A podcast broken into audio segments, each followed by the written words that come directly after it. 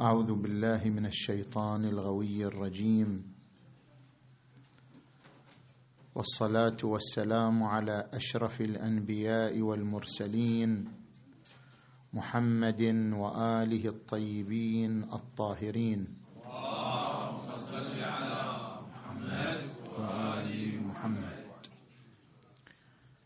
بسم الله الرحمن الرحيم. لقد خلقنا الإنسان في أحسن تقويم. ثم رددناه أسفل سافلين. إلا الذين آمنوا وعملوا الصالحات فلهم أجر غير ممنون. صدق الله العلي العظيم.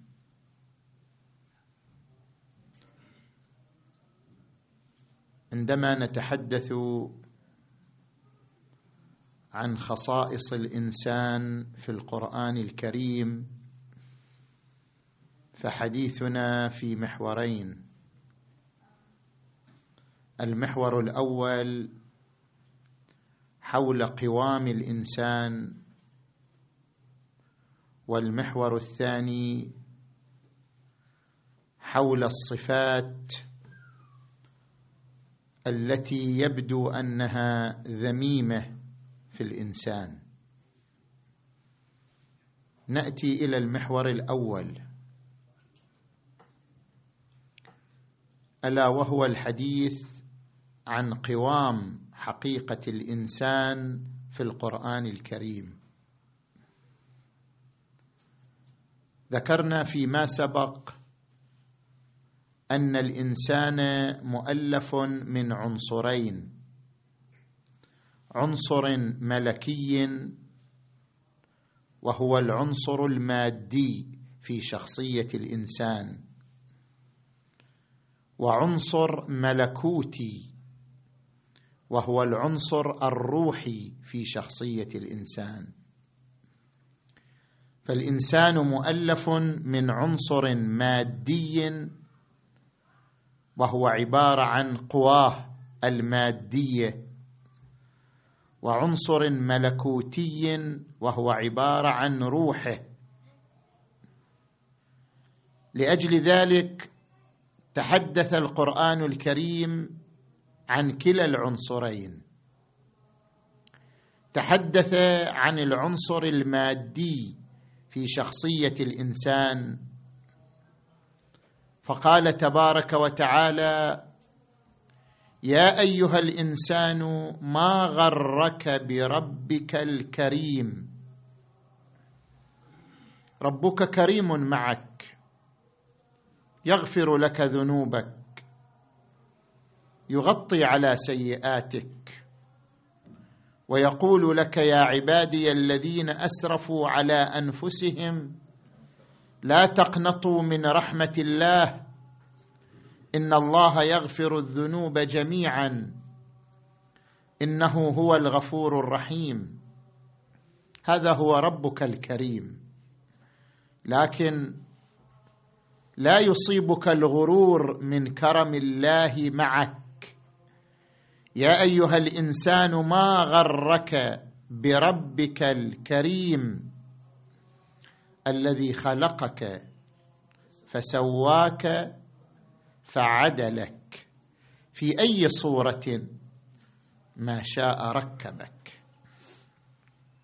هناك أربعة أو أربع مراحل مر بها العنصر المادي للإنسان. خلقك سواك عدلك صورك. الخلق هو عبارة عن إعداد المادة. إيجاد النطفة يحقق المرحلة الأولى وهي مرحلة خلقك. هيأ النطفة التي منها تتكون. فلينظر الإنسان مما خلق. خلق من ماء دافق. هذه المرحلة الأولى. سواك بمعنى عين الأعضاء هذا الجسم حتى تتحقق تسويته يحتاج إلى تحديد أعضائه من يدين ورجلين وعينين وأذنين. تحديد الأعضاء هو عبارة عن مرحلة التسوية. خلقك فسواك. فعدلك. المرحلة الثالثة هي مرحلة إيجاد التوازن بين أعضاء الإنسان وقوى الإنسان. كل عضو يحتاج إلى الآخر. فهناك توازن بين الأعضاء. القلب يحتاج إلى المعدة. المعدة تحتاج إلى المريء. المريء يحتاج إلى اللسان. اللسان يحتاج إلى الأسنان الأسنان تحتاج إلى الشفتين الشفتان تحتاج إلى اليدين. غذاء الجسم إنما يتم بعملية توزيع أدوار بين هذه الأعضاء. عدلك كان عادلا في توزيع الأدوار على أعضاء جسمك بحيث لكل عضو مهمة محددة يكمل بها مهمة العضو الآخر. خلقك فسواك فعدلك. ثم تأتي المرحلة الرابعة في أي صورة. ما شاء ركبك. جعلك ذكر صورة. أنثى صورة. جعلك عربيا غير عربي هذا اختلاف صور. ليس المقصود بالصورة هو الوجه. في أي صورة المقصود بالصور الأصناف. هذا ذكر هذا أنثى هذا عربي هذا غير عربي هذا من قبيلة فلان هذا من قبيلة فلان. في أي صورة ما شاء ركبك. وأيضا عبر عن الصور بمعنى صورة البدن في آية أخرى. قال وصوركم فأحسن صوركم. هذا هو الحديث عن العنصر المادي في شخصية الإنسان. أما حديث القرآن عن العنصر الروحي عن العنصر الملكوتي في شخصية الإنسان. فقد عبر عنه تعالى بقوله لقد خلقنا الإنسان في أحسن تقويم هذه الآية ناظرة للعنصر الروحي وليست ناظرة للعنصر المادي. والدليل على أن هذه الآية ناظرة للعنصر الروحي التقويم أي التقويم الروحي أنه قال لقد خلقنا الإنسان في أحسن تقويم ثم رددناه أسفل سافلين إلا الذين آمنوا. لو كان يتحدث عن العنصر المادي ما يحتاج يستثني الذين آمنوا. لأن الكل في العنصر المادي سواء المؤمنون والكافرون المنحرفون والمطيعون كلهم يتساوون في العنصر المادي. لكنه هنا يريد أن يتحدث عن العنصر الروحي. لذلك استثنى المؤمنين. قال لقد خلقنا الإنسان في أحسن تقويم ثم رددناه أسفل سافلين إلا الذين آمنوا وعملوا الصالحات فلهم أجر غير ممنون. ما هو هذا العنصر الروحي؟ قال تبارك وتعالى لقد خلقنا الإنسان في أحسن تقويم أي أعطيناه أحسن قوام. القوام ما يقوم به الشيء البيت له قوام وهو الأسس التي يقوم عليها البيت. أنت أيها الإنسان أعطيت أحسن قوام أحسن أسس تقوم عليها شخصيتك. أعطي الإنسان أحسن أسس وأقوم أسس تبتني عليها شخصيته الروحية. ما هي هذه الأسس؟ الأسس التي أعطاها الله الإنسان لتقوم عليها شخصيته الروحية هي العلم الفطري. ما يعبر عنه الفلاسفة بالمعارف القبلية. المعارف على قسمين. معارف قبلية معارف بعدية. هناك معارف موجودة لدى الإنسان بالفطرة. لا يحتاج أن يكتسبها لا يحتاج إلى أن يتعلمها. هي موجودة في عقله بالفطرة. فطر عليها. فطر الإنسان وهو يؤمن أن لكل مسبب سبب. قانون السببية قانون فطري قانون موجود عند الإنسان بالفطرة. الإنسان بالفطرة يميز أن الكل أعظم من الجزء. خلي أمامه صغير وكبير يميز أن هذا أعظم من هذا ما يحتاج إلى تعليم. الإنسان بفطرته يميز أن النقيضين لا يجتمعان. مستحيل أكون موجود وغير موجود في آن واحد. مستحيل أكون متحدث وغير متحدث في آن واحد. اذا هذه المعارف تسمى بالمعارف القبلية. أي أنها معارف زودت بها فطرة الإنسان منذ ولادته. فهو منذ ولادته يؤمن. مثلا يرى يشعر بحليب أمه. إذا شعر بحليب أمه يدرك أن وراء الحليب اما. من المسبب إلى سببه. يدرك أنه موجود. اذا ليس هو موجود وغير موجود. الإنسان بفطرته يمتلك معارف قبلية. هذه المعارف القبلية زوده الله إياها منذ ولادته. وله معارف بعدية يكتسبها بالتعليم والتربية. اذا المعارف القبلية هي أحسن تقويم. لقد خلقنا الإنسان في أحسن تقويم. المراد بأحسن التقويم المعارف الفطرية التي بنيت عليها شخصية الإنسان وحقيقة الإنسان. قال تبارك وتعالى ونفس وما سواها فألهمها بالفطرة فألهمها فجورها وتقواها. هذه المعارف الفطرية كيف يرتكز عليها الإنسان في بناء شخصيته الروحية؟ الإنسان لضيق نظره لمحدودية أفقه يرى أنه محصور في عالم المادة. أنا أين أتصرف؟ أنا محصور في هذا العالم المادي. لكن القرآن يقول أنت بمعارفك الفطرية القبلية تستطيع أن تتجاوز عالم المادة. وأنت في الدنيا تستطيع أن تتجاوز عالم المادة.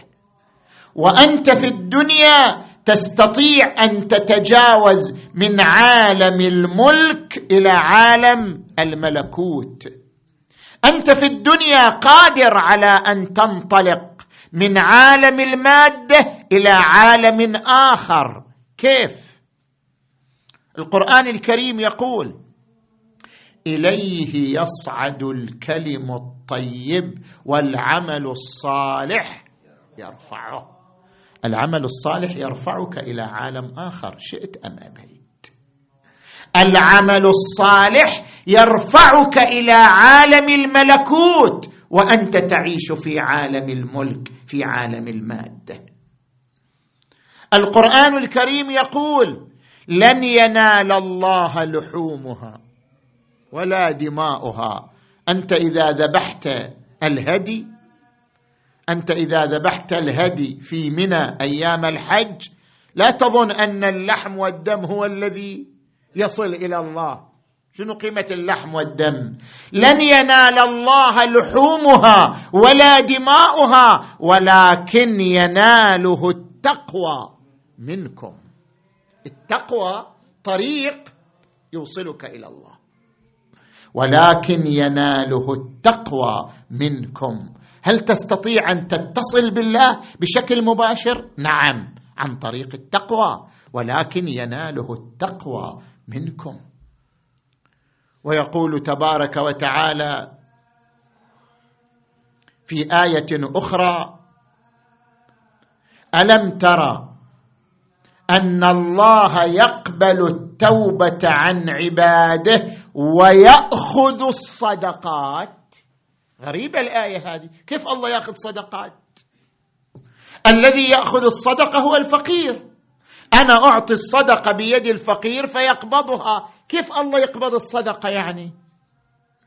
الصدقة لها عنصر مادي وهو المبلغ الذي أضعه في يد الفقير لكن لها عنصر ملكوتي. هذا العنصر الملكوتي تتصل بالله بشكل مباشر. يقبل التوبة عن عباده ويأخذ الصدقات. هو الذي يقبض الصدقة منك بشكل مباشر. أنت تستطيع أن تتجاوز عالم الماده إلى الله إلى عالم الملكوت. عبر الصدقة ويأخذ الصدقات. اذا الله تبارك وتعالى فتح لك باب الملكوت لكي تصل إليه. يرفع الله الذين آمنوا والذين أوتوا العلم درجات أولئك لهم الدرجات العلى. زين. الوصول إلى الله يا إخوان له درجات أيضا. يقين علم اليقين عين اليقين حق اليقين. هناك درجات أربع. كل إنسان بحسب كفاءته بحسب قدراته يصل إلى الدرجة المعينة التي تنسجم مع طاقاته وقدراته. الدرجة الأولى هي اليقين. اليقين هو أن تعرف المؤثر بأثره. إحنا كيف عرفنا الله؟ بآثاره. اذا إحنا وصلنا إلى الدرجة الأولى وهي درجة اليقين. سنريهم آياتنا في الآفاق وفي أنفسهم حتى يتبين لهم أنه الحق. أولم يكف بربك أنه على كل شيء شهيد. المرحلة الأولى اليقين وهي العلم عن طريق الأثر. يعبر عنه الفلاسفة بالدليل الإني. الاستدلال بالأثر على المؤثر. الدرجة الثانية التواصل الحسي. شوف لاحظوا القرآن الكريم ماذا يقول. ألهاكم التكاثر حتى زرتم المقابر. كلا سوف تعلمون. ثم كلا سوف تعلمون. كلا سوف تعلمون مرحلة. ثم كلا سوف تعلمون. هذه مرحلة. ثانية كلا لو تعلمون علم اليقين. هذه درجة أكبر من اليقين. لترون الجحيم. إذا وصل الإنسان إلى درجة علم اليقين يرى الجحيم بعينه. وهو في الدنيا. وهو في الدنيا. يرى الجحيم يرى الجنان. وهو في الدنيا. الإنسان هو الذي يبني جنته وهو الذي يبني ناره. هذه أعمالك التي تقوم بها هي جنتك هي نارك. يقول القرآن الكريم إنما تجزون ما كنتم تعملون. ما في عمل وجزاء لا جزاؤك هو عملك. ما في شيئين. الإنسان يعتقد أن هناك شيئين عمل وبعدين جزاء على العمل. لا. ما في جزاء وع... ما في عمل وجزاء على العمل. العمل هو الجزاء. إنما تجزون ما كنتم تعملون. الصلاة التي نصليها هذه الصلاة هي جزاء. هذا ما يعبر عنه عند أهل العرفان بالخلع واللبس. هذه الصلاة لها صورة صلاتية لكنها نفسها تتحول في الآخرة إلى صورة جنائنية هي الصلاة. صلاتك تتحول إلى قصر تتحول إلى جنة تتحول إلى نعيم. عملك هو جزاؤك. المعصية والعياذ بالله. الإنسان عندما يقترف المعصية فلنفترض يقترف علاقة غير مشروعة يستمع أغنية مطربة يكذب يغتاب هذه المعاصي. نفس هذه المعصية مو شيء ثاني هي تتحول إلى قطعة من النار. نفس المعصية تتحول إلى قطعة من الجحيم. ولذلك الإنسان إذا اقترف المعاصي الكثيرة صار محفوفا بلهب النيران من كل ناحية ومكان. الإنسان المسرف في المعاصي محفوف بالنيران من كل ناحية. هو لا يشعر لكن النيران تأكله من قدميه إلى رأسه. هو لا يشعر أن النيران تحيط بجسمه تحيط بيده برجله بجوارحه بجوانحه. النار تحف به وهو لا يشعر بها. النار هي أعماله. إنما تجزون ما كنتم تعملون. إذا وصل الإنسان إلى مرحلة علم اليقين يرى حقائق عمله يرى صلاته جنة ويرى معصيته نار. كلا لو تعلمون علم اليقين لترون الجحيم. وعندما يرتقي إلى درجة ثالثة وهي درجة عين اليقين. يتطور من اليقين إلى علم اليقين إلى عين اليقين. ثم لترونها عين اليقين علم اليقين. ثم لترونها عين اليقين. ما معنى عين اليقين؟ هذا التواصل الوجداني. الأول كان تواصل حسي الآن صار تواصل وجداني. كيف يعني تواصل وجداني؟ الإنسان الطفل يتواصل مع حنان أمه تواصلا وجدانيا. التواصل الوجداني أعظم من التواصل الحسي. التواصل الوجداني أوثق وأعمق وأقوى من التواصل الحسي. أراك شيء ولكن أراك في قلبي هذا شيء أعظم. أراك بعيني غير أراك في قلبي. الرؤية القلبية الرؤية الوجد الرؤية الوجدانية أعمق وأرسخ من الرؤية البصرية. التواصل الوجداني أعمق من التواصل الحسي فهو درجة أرقى. ولذلك لاحظوا الوحي الوحي ما عب ما جاء الوحي إلى أذن النبي. جاء الوحي إلى وين؟ إلى قلب النبي. يقول القرآن الكريم نزل به الروح الأمين على قلبك. يعني تواصل وجداني. نزل به الروح الأمين على قلبك لتكون من المنذرين بلسان عربي مبين. هذا التواصل الوجداني أن الإنسان يشعر بألم جهنم وهو في الحياة. يشعر بنعمة بنعمة الجنة وهو في الحياة. كيف يصل الإنسان إلى هذه الدرجة؟ أن يشعر بألم النار بنعيم الجنة وهو في الحياة. هذا الإنسان وصل إلى درجة عين اليقين. زين العابدين. علي عليه السلام يقول اللهم ظلل على ذنوبي غمام رحمتك. أنا وصلت إلى مرحلة الشعور الوجداني. أشعر أن الذنوب تلسع بدني. أشعر أن الذنوب تلتهب في بدني.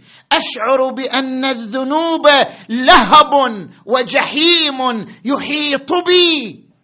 ولا مخلص من هذا الجحيم إلا بأن تمطر علي سحابا يطفئ لهب هذه الذنوب. اللهم ظلل على ذنوبي. غمام رحمتك وأرسل على عيوبي سحابه رأفتك. اذا هذا شعور وجداني. شعور وجداني بالجنة والنار. من وصل إلى هذه المرحلة وصل إلى مرحلة عين اليقين. وأما المرحلة الأعلى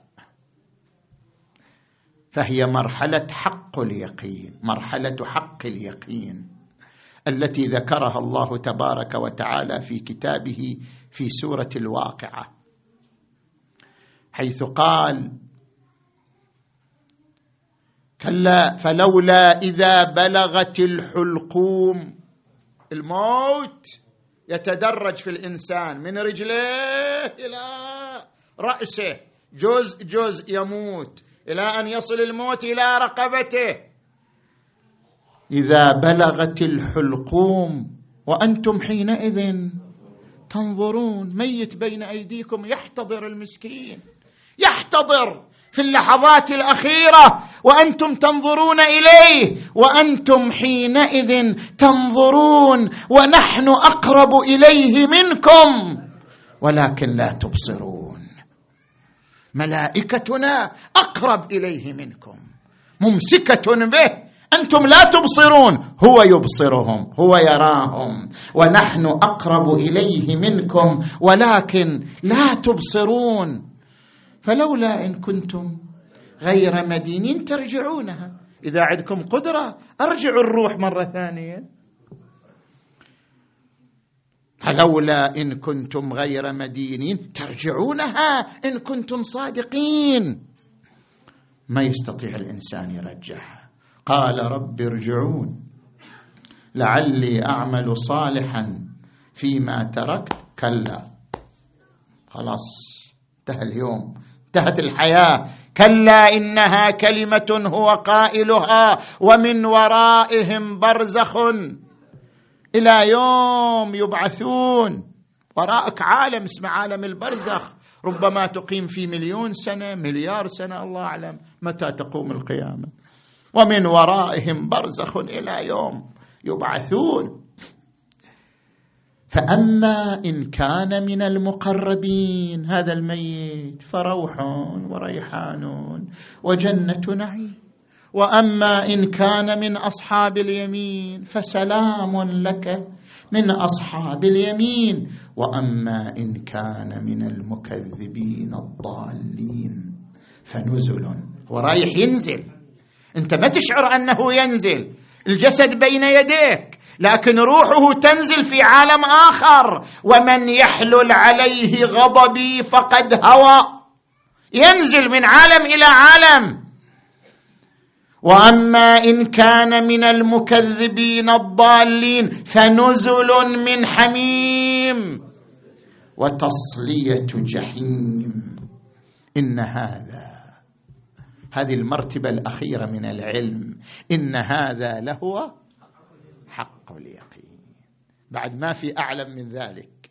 الإنسان في الدنيا يعلم بالله يقين ثم يعلم به علم اليقين ثم يعلم به عين اليقين. فإذا مات علم بربه حق اليقين. خلاص. وصل إلى درجة لا يخالطه الشك والريب. وصل إلى درجة حق اليقين. أما أمير المؤمنين فيقول أنا الموت ما يأثر ما بيغير عندي. لو كشف لي الغطاء ما ازددت يقينا. يقيني وصل إلى درجة لا يؤثر علي موت أم حياة. كشف الغطاء يعني الموت. ترى الموت هو يوم كشف الغطاء. عندما يقول الإنسان كشف الغطاء يعني كشف الغطاء عن عينيك فأبصرت عالم الأرواح والأشباح. أنت في الدنيا ما تبصر. أنت في الدنيا تبصر الماديات. على عينيك غشاوة.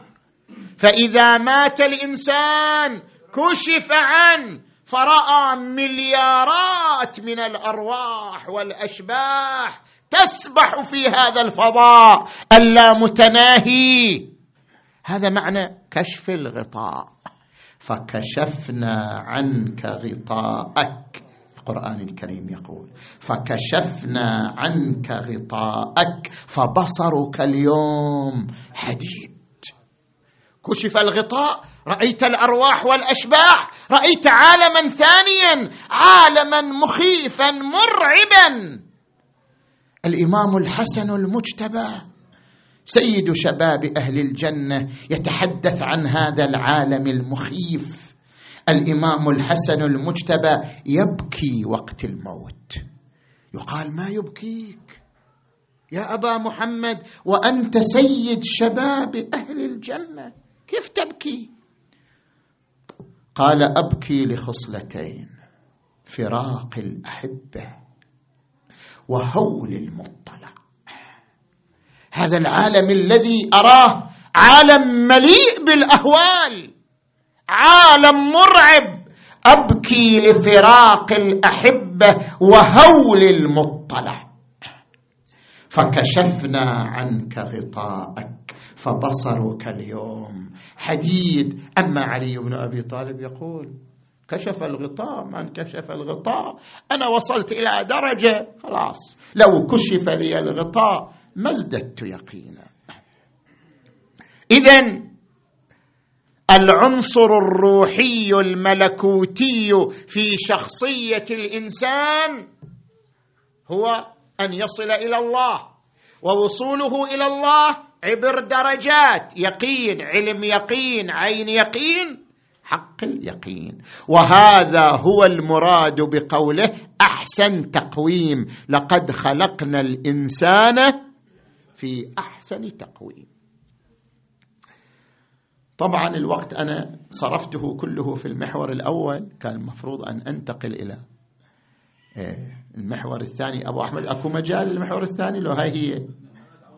ها؟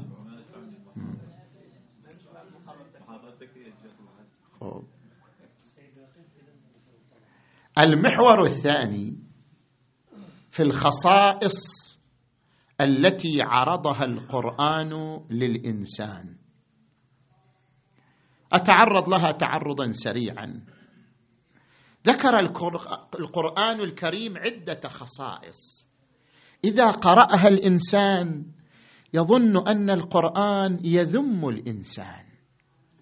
مثلا قول القرآن الكريم إنا عرضنا الأمانة على السماوات والأرض والجبال فأبين أن يحملنها وأشفقن منها وحملها الإنسان. إنه كان ظلوما جهولا. الإنسان يتساءل طيب إذا هو ظلوم ليش تعطيه الأمانة؟ لماذا تعرض الأمانة عليه وهو ظلوم؟ الظلوم الجهول. ليس أهلا لحمل الأمانة. فكيف تقول عرضت الأمانة عليه وهو ظلوم جهول؟ من كان ظلوما جهولا لم يكن أهلا لحمل الأمانة. كيف نوفق بين هذه الآية إنه كان ظلوما جهولا وبين قوله تعالى لقد خلقنا الإنسان في أحسن تقويم يريد أن يقول تبارك وتعالى ليس الإنسان بطبعه يصير ظلوم. لا. المتنبي كان يقول هذا الكلام. الظلم من شيم النفوس. يقول كل إنسان يظلم بطبعه. الظلم هذا شيء طبيعي في الإنسان. الظلم من شيم النفوس. فإن تجد ذا عفة فلعلة لا يظلم. أما القرآن يقول لا الظلم ليس شيئا ذاتيا طبيعيا في الإنسان. اذا لماذا قال إنه كان ظلوما جهولا؟ يريد أن يقول من كان ظلوما من كان يمكنه أن يكون ظلوما؟ يمكنه أن يكون عادلا. ومن كان يمكن أن يكون جهولا يمكن أن يكون عالما. هذا يسموها في المنطق تقابل الملكة والعدم.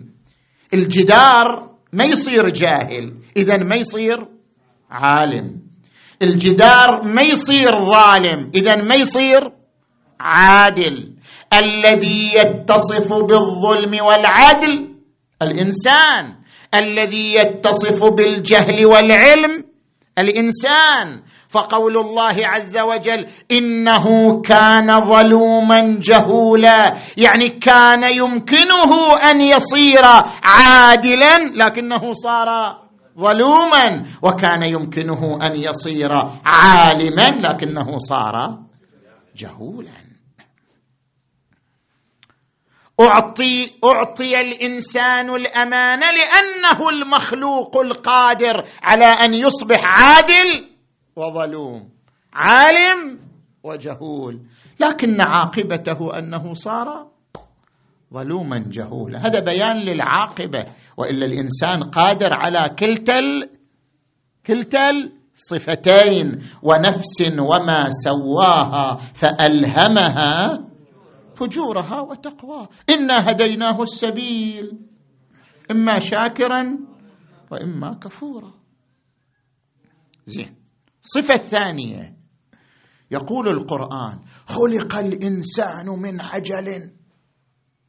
سأريكم آياتي فلا تستعجلون. كيف يعني خلق من عجل؟ هل العجله شيء ذاتي في الإنسان؟ ما ينفك عنه؟ حتى القرآن يقول خلق الإنسان من عجل.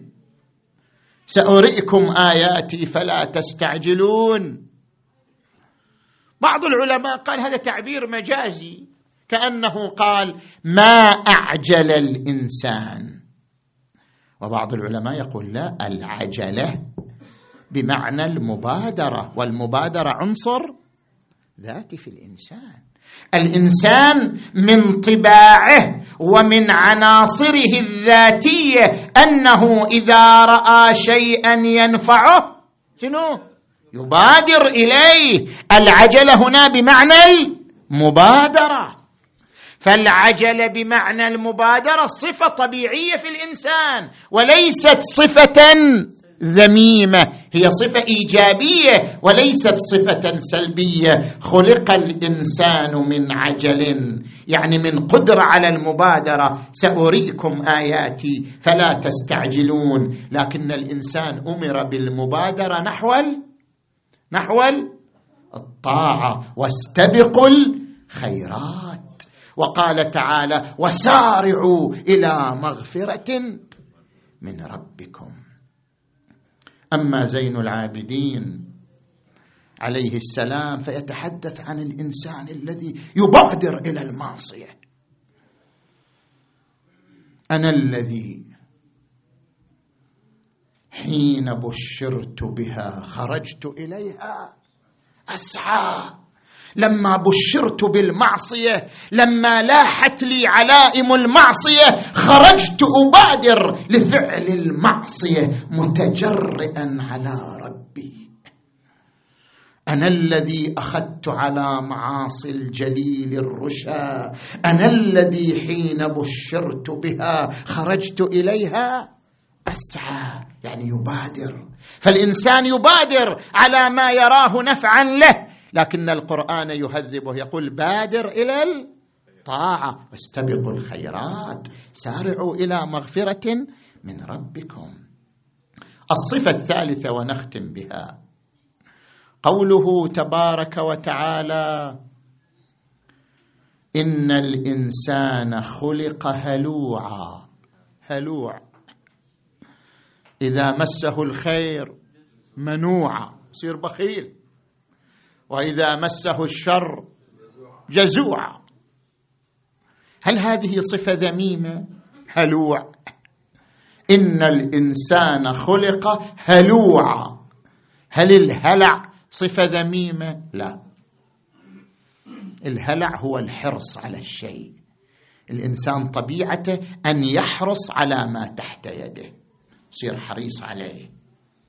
هذه ليست صفة ذميمة. صفة يمكن أن تستغلها في الإيجاب يمكن أن تستغلها في السلب. خلق هلوعا. إذا مسه الخير منوعا. إذا أعطي الخير شوفه بخيل يخاف الخير يروح من إيده. يبخل حتى على أولاده وأسرته. وإذا مسه الشر جاء إلى جت إلى نائبة أخذت من رزقه أو أخذت من صحته يجزع لأنه يخاف أن تذهب النعمة من بين يديه. إذا مسه الخير منوعا وإذا مسه الشر جزوعا. لكن الهلع صفة جميلة. الهلع يستطيع الإنسان أن يستغل الهلع بمعنى الحرص في شنو؟ في الطاعة في القربة. كما ذكرنا هذا الحديث أمس النبي محمد.